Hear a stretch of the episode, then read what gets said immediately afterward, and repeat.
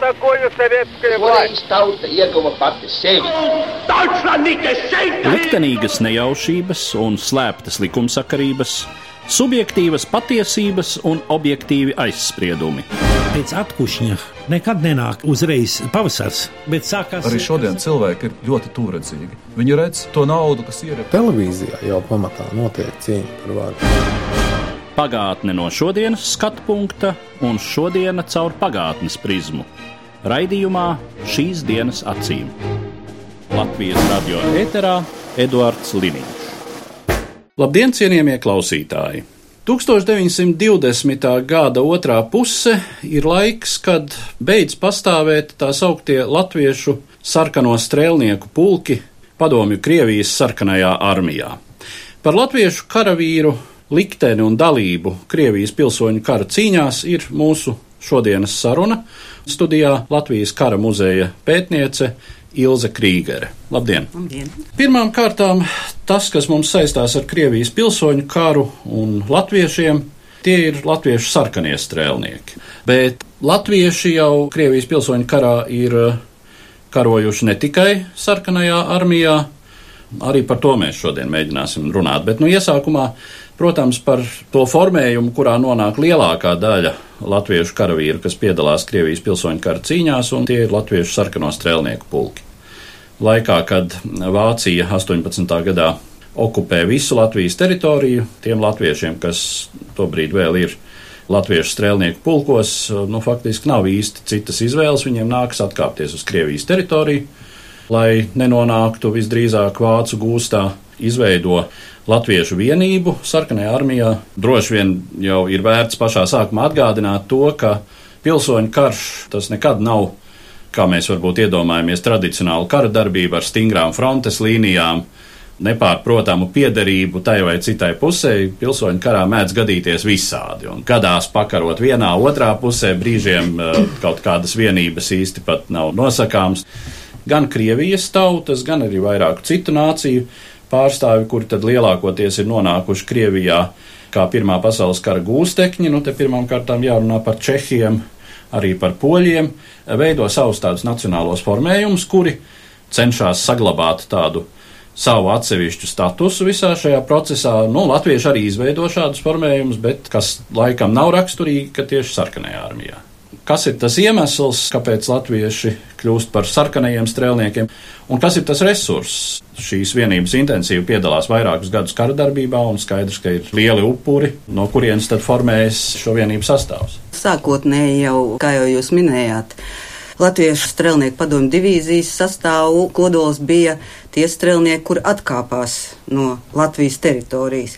Ir dažādi viedokļi, dažāds skaitliskais sastāvs tiek minēts. Viens no tiem ir, kad aptuveni 9000, savukārt Gopers min ap 5-6 tūkstošiem, kas devās uz Krieviju, un tā jau bija ļoti labi apmācīta, cīņās jau pieredzējusi vienība, un sarkanā armijā tā bija vienīgā sākotnēji 18. gadā, kas bija ar tādu kaujas pieredzi.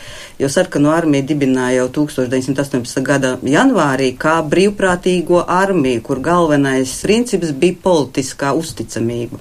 Pamatā tur iestājās sarkangvārdi bijušie, kuriem nekādas kaujas pieredzes nebija, ja, un daudz arī deklasentu, jo armija garantēja pārtiku, armija garantēja pusdienas ciltu apģērbu, kas tajā laikā Krievijā bija būtiski, bet viņi praktiski nebija kaujas spējīgi. Vēl pirms divīzijas izveidošanas jau 1917. gadā latviešu strelnieki tika nosūtīti jau uz Krieviju 17. gada decembrī 6. pulku uz Petrogradu. Viņš piedalījās satversmes sapulces izgaiņāšanā, arī tā saucamā apvienotā strēlnieku rotu, kur 40 cilvēks no katra pulka paņēma, kas piedalījās Smoļnī apsardzē, pirmās padomju valdības apsardzē, tālāk arī apsargāja vilcienu, kurš aizved padomju valdību uz Maskavu 18. gadā.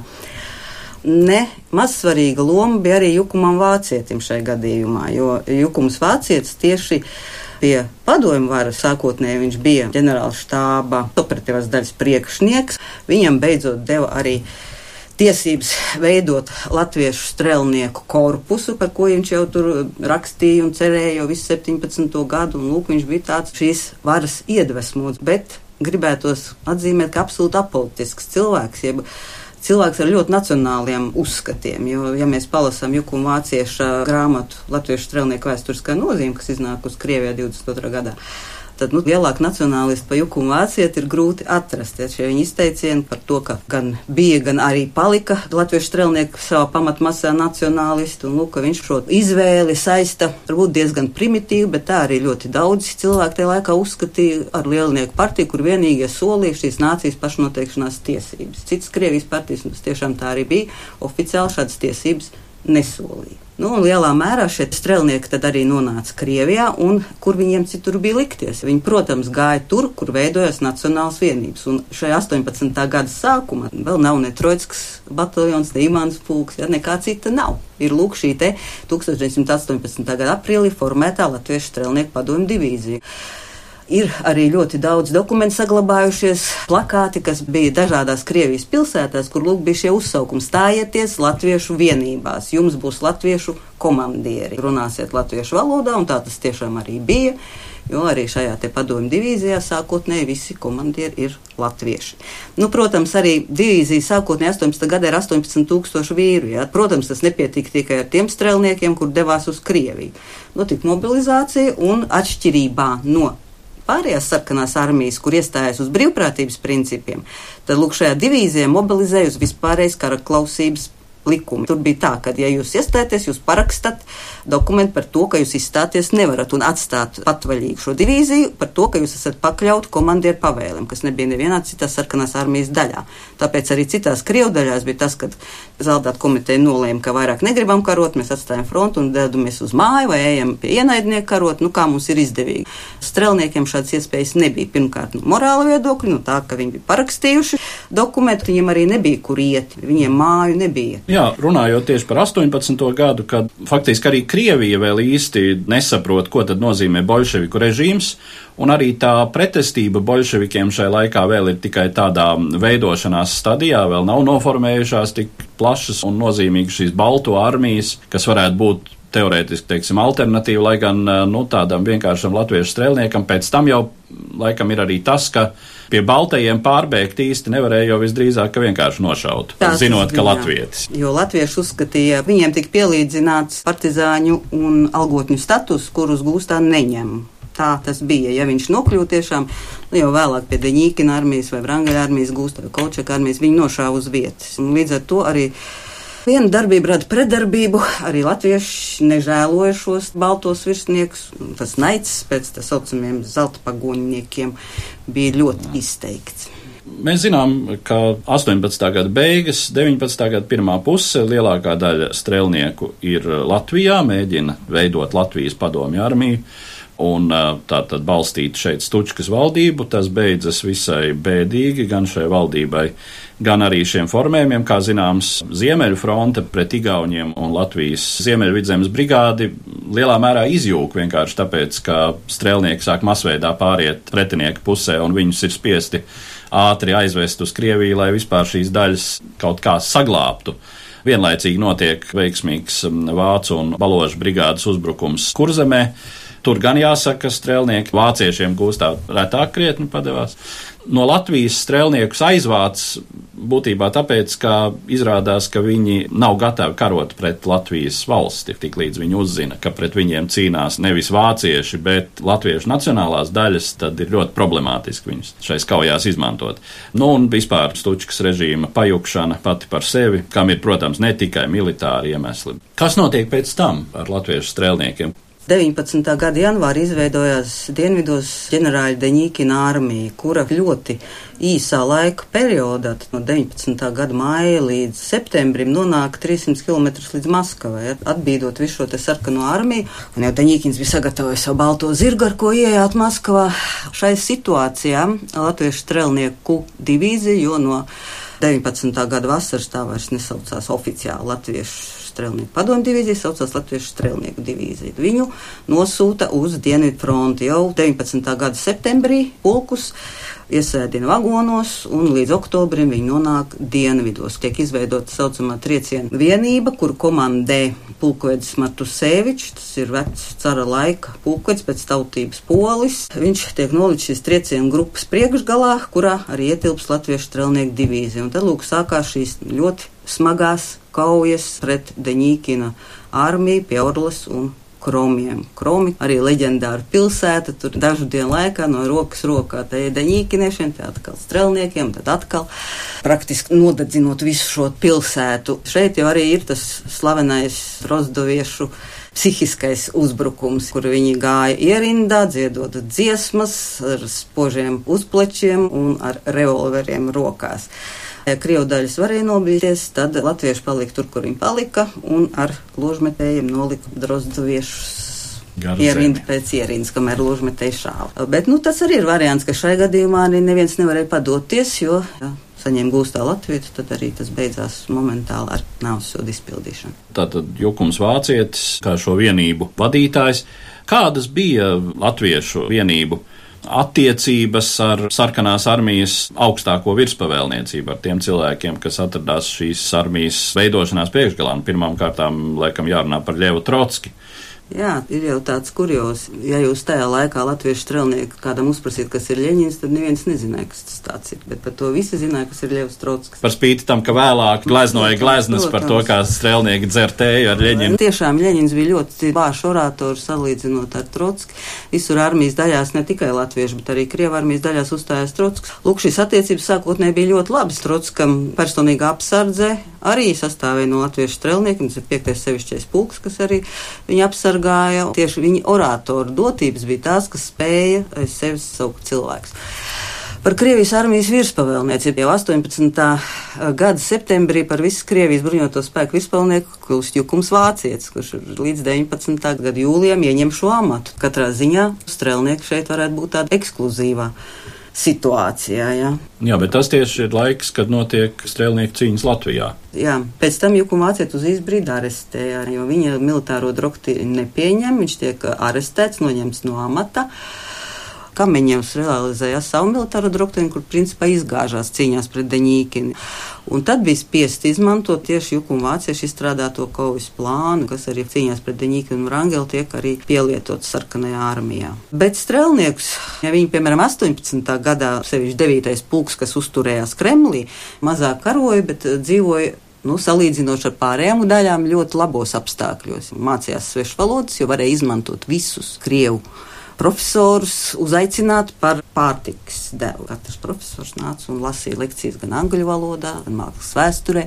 Tur mēs zinām arī māksliniekus Kremļa grupa, ja, kur bija Klucis vēlāk slavenais, Johansons, Andersons. Tad, lūk, jau 18. gada beigās šo pašu 9. pulku nosūta uz Dienvidu fronti pret Krasnovu, arī ģenerāli Krasnovu Dons Kazaku armiju. Un tur jau sākās pavisam cita lieta. Faktiski neviens netiek žēlots, viņas izmanto kā triecienu spēku un ļoti daudzi iet bojā. Tāpat jau ir 18. gadā pret šo pašu Čehoslovāku korpusu, kad sacelšanās notiek 18. gada mājā, kad Trotskis izdod par Čehoslovāku korpusu atbruņošanu. Jā, tas ir 51 tūkstoši vīri, kas ir izkliedēti pa visu Sibīriju. Respektīvi, Čehi turēja šo maģistrālu viņi savās rokās. Savās ar... rokās, jo viņi vienkārši fiziski, nu, viņiem bija 60 vilcieni. Stādieties priekšā tā visa Sibīrijas teritorija, un viņi tur vienkārši fiziski atrodas. Čehi neko karot negribēja, pareizāk sakot, ja viņi bija domāti 17. gadā nosūtīšanai uz Rietumu fronti pret vāciešiem. Šeit viņiem pirmkārt viņi neko īpaši nesaprata, kas īsti notiek, bet katrā ziņā savus ieročus sadot, nu, kā normāli karavīri, viņi atteicās. Nu, līdz ar to, lūk, arī sākās pirmā tāda lielākā fronta pilsoņu karā Krievijā. Tur arī aizsūta vēlāk Jukumu Vācieti 18. gada vasarā, viņš kļūst par šīs frontes virspavēlnieku. Tur arī aizsūta latviešu strēlniekus. Pirmais jau cieta 4. pulks, kuru jau aizsūtīja 18. gada jūnijā. Visi krievu daļas metās beigt. Kā jau teicu, latviešiem nebija kur beigt. No 500 vīriem dzīvu palika 90. Tas ir tāds jau tāds pirmā bezdelīga, sacīsim, tā šai bēdīgajā liktenī, kas bija latviešu strelnieku divīzijā. Faktiski viņas izkāva, ja viņas sūtīja pa tādu triecienu vienību uz tām smagākām vietām, un rezultāts jau bija Jau 19. gadā beigās, tas ir decembrī, kad beidzās cīņas pret Deņīkinu, tad no 18,000 bija pie 9,000 palikuši tikai dzīvi. Viss lielākais skaits jau bija gājis bojā tad jau 19. gadā. Un papildināja, protams, šo divīziju jau ar krievu daļām diezgan vāji disciplinētām. Vēl pēc tam notiek kaujas pret Vrangeli. Mm, jā, 20. gadā. Kas arī ir strēlniekiem diezgan, es saprotu, smagas un upuriem bagātas. Tās bija ļoti smagas. Šeit nu tiešām izmantoja strēlniekus kā dzīvo lielgabalu gaļu. Tas bija 20. gada aprīlī kad Rangels nocietinājās Krimas puselā un pie Perekopa. Perekopa šaurums kur tika izveidota milzīga nocendējuma sistēma, 10 metru augsts valns, kur priekšā ir 45 metru plats grāvs ar 10 metru dziļumu, klājš lauks, stepe priekšā. Tik pieņems lēmums strēlnieks striekt virsū šiem valnim, turku valnim saucamajiem. Nu, bezjēdzīgs lēmums. Tā laikā strēlnieku divīzija komandēja Friedrichs Kalniņš, viņš pēc savas dabas bija ļoti tāds ātrs cilvēks, varskārs cilvēks un nu, iedomīgs. Ja? Viņš neklausīja neko, nekādu saprāta balsi, un viņš gribēja izcelties. Viņš piekrita.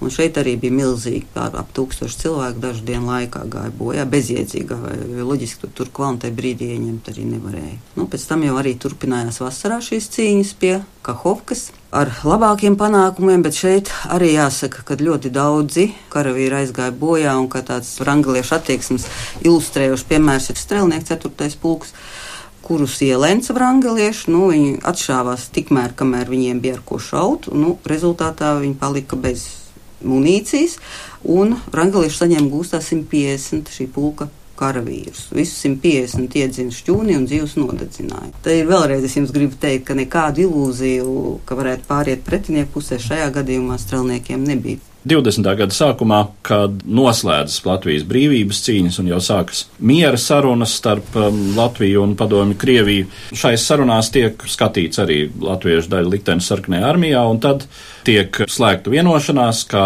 šīs daļas ir jāizformē. Arī dzen strēlniekiem, kā Latvijas potenciāliem pilsoņiem, latviešiem ir tiesības repatrieties, atgriezties Latvijas republikā.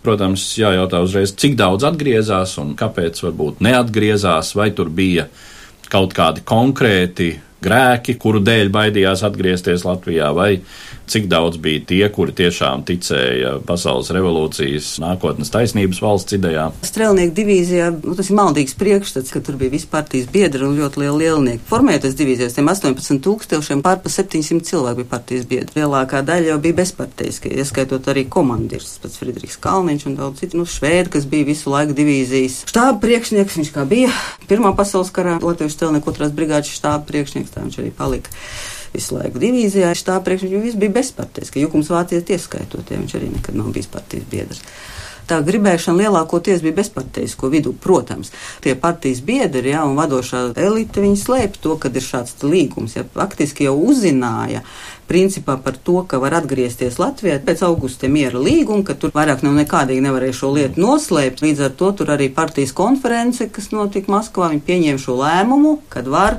demobilizēties, kurš grib, tas var pieņemt Latvijas pilsonību un atgriezties Latvijā. Protams, ka tika aģitēti visi, lai neatgriežas, bet, nu, tās dzimtenes mīlestība jau arī šeit bija kaut kur apmēram 11,5 tūkstoši bijušo sarkanarmiešu atgriezās Latvijā, bet tas nemaz nebija tik vienkārši.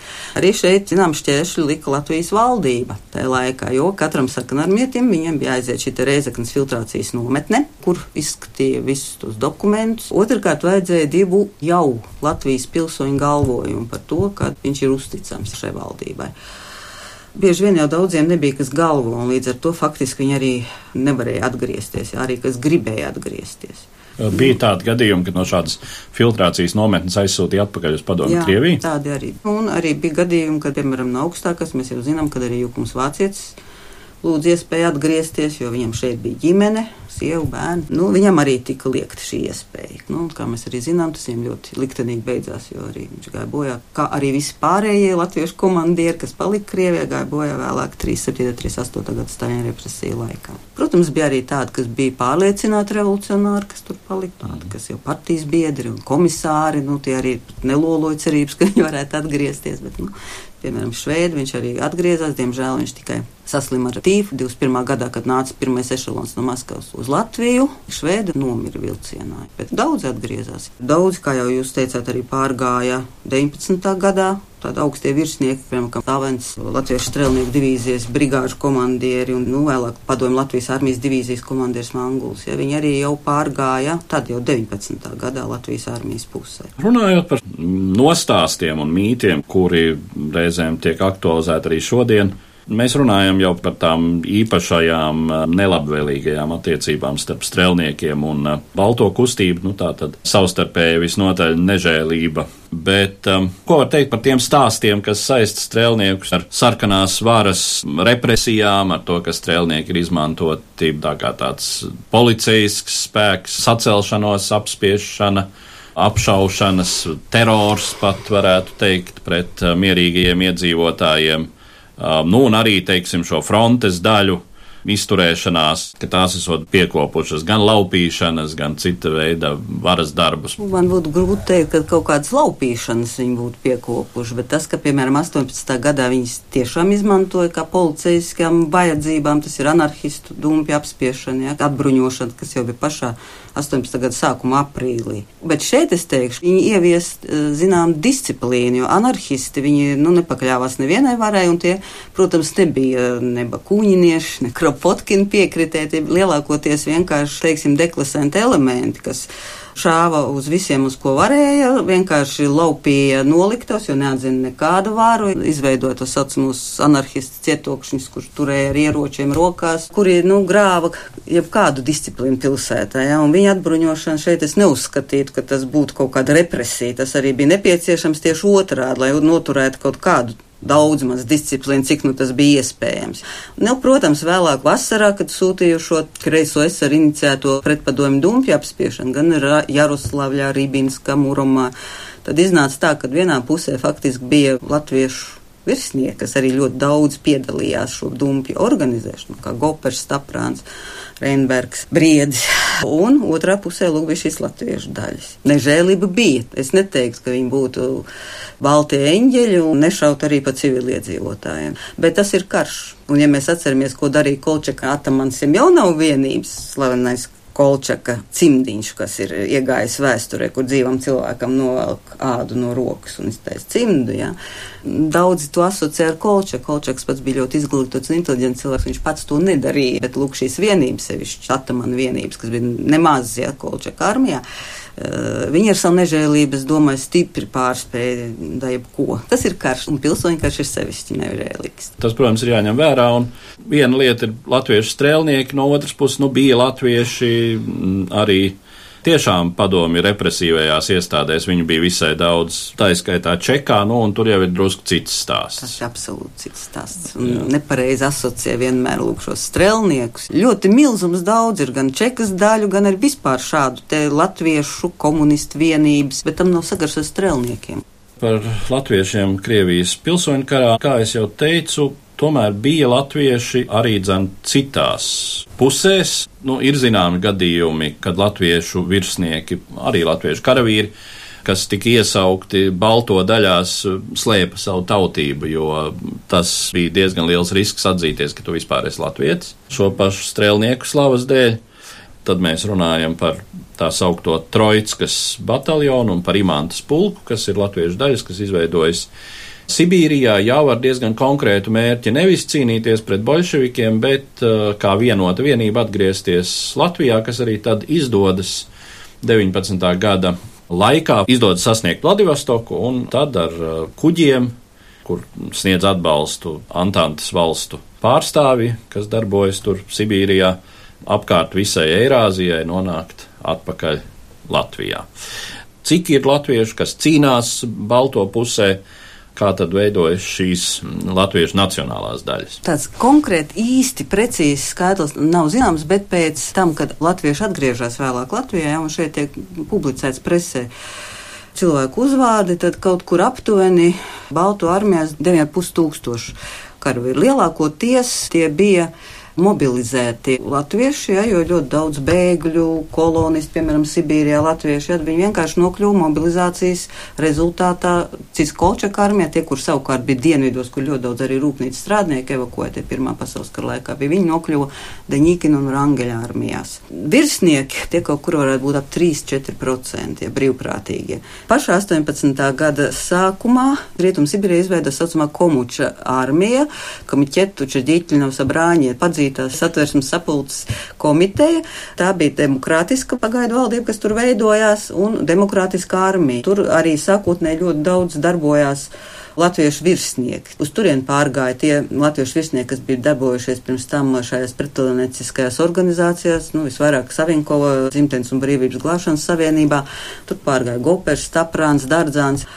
Šādā situācijā tad lūk arī Dardzāns vērsās pie armijas vadības ar lūgumu dibināt Latviešu Nacionālu vienību, ko nosūtīt uz Latviju, kā tas formulēts cīņai ar vāciešiem. Tas tā ir interesanti, gan Jukums Vācijas eh, pamato savu divīzijas veidošanu ar to, ka ir jāiet uz Latviju un jāiepadzena vācieši. Tieši tas pats ir arī šai te Troitskas, pareizāk, nu viņi saucās oficiāli pirmais Latviešu brīvošanas bataljons. Tā kā viņš 18. gada oktobrī sāk formēties Troitskas pilsētā, tad viņš arī vispār vēsturē ir kā Troitskas bataljons iegājis. Situācija ļoti kardināli mainījās pēc mēneša, jo 18. gada novembrī pie varas nāk Kolčaks. Šī komuča valdība beidz eksistēt, un līdz ar to arī jebkāda demokrātija beidz eksistēt. Viņš tiek pasludina par virspavēlnieku. Kolčaka nodoms bija šo te vienību iekļaut kā triecienu vienību savā armijā, un tad nu, sākās šī cīņa, lai saglabātu Troitskas bataljonu, jo Rietum-Sibīrijā ļoti aktīvi darbojās Rietum-Sibīrijas un Urālu latviešu pagaidu padome. Un šī padome arī kontaktējās ar tajā laikā Kolčaka armijas virsnieku Kārlu Goperu. Un tieši arī viņš panāca to, ka bataljons tiek pakļauts Franču militārai pārstāvniecībai, ja pareizāk sakot, ģenerālim Žanēnam, jā, un lielu cieņu šim cilvēkam. Viņš jau, kurš pazina strelnieks no 17. gada vasaras, arī aizstāvēja un panāca to, ka Troitskas bataljonu neizmanto Kolčaka armijā. Ja, līdz ar to viņš kopā ar Čehiem par šo Transsibīrijas maģistrālu devās uz Vladivostokas. Protams, oficiālā bataljona uzdevums šajā brīdī bija šīs maģistrāls apsargāšana un uh, arī kārtības uzturēšana šajās pilsētās, bet bija arī atsevišķas kaujas, kurās bataljons arī, protams, piedalījās. Bataljonā sākotnēji bija apmēram 900 vīru, līdz Vladivostokai nokļuva 600.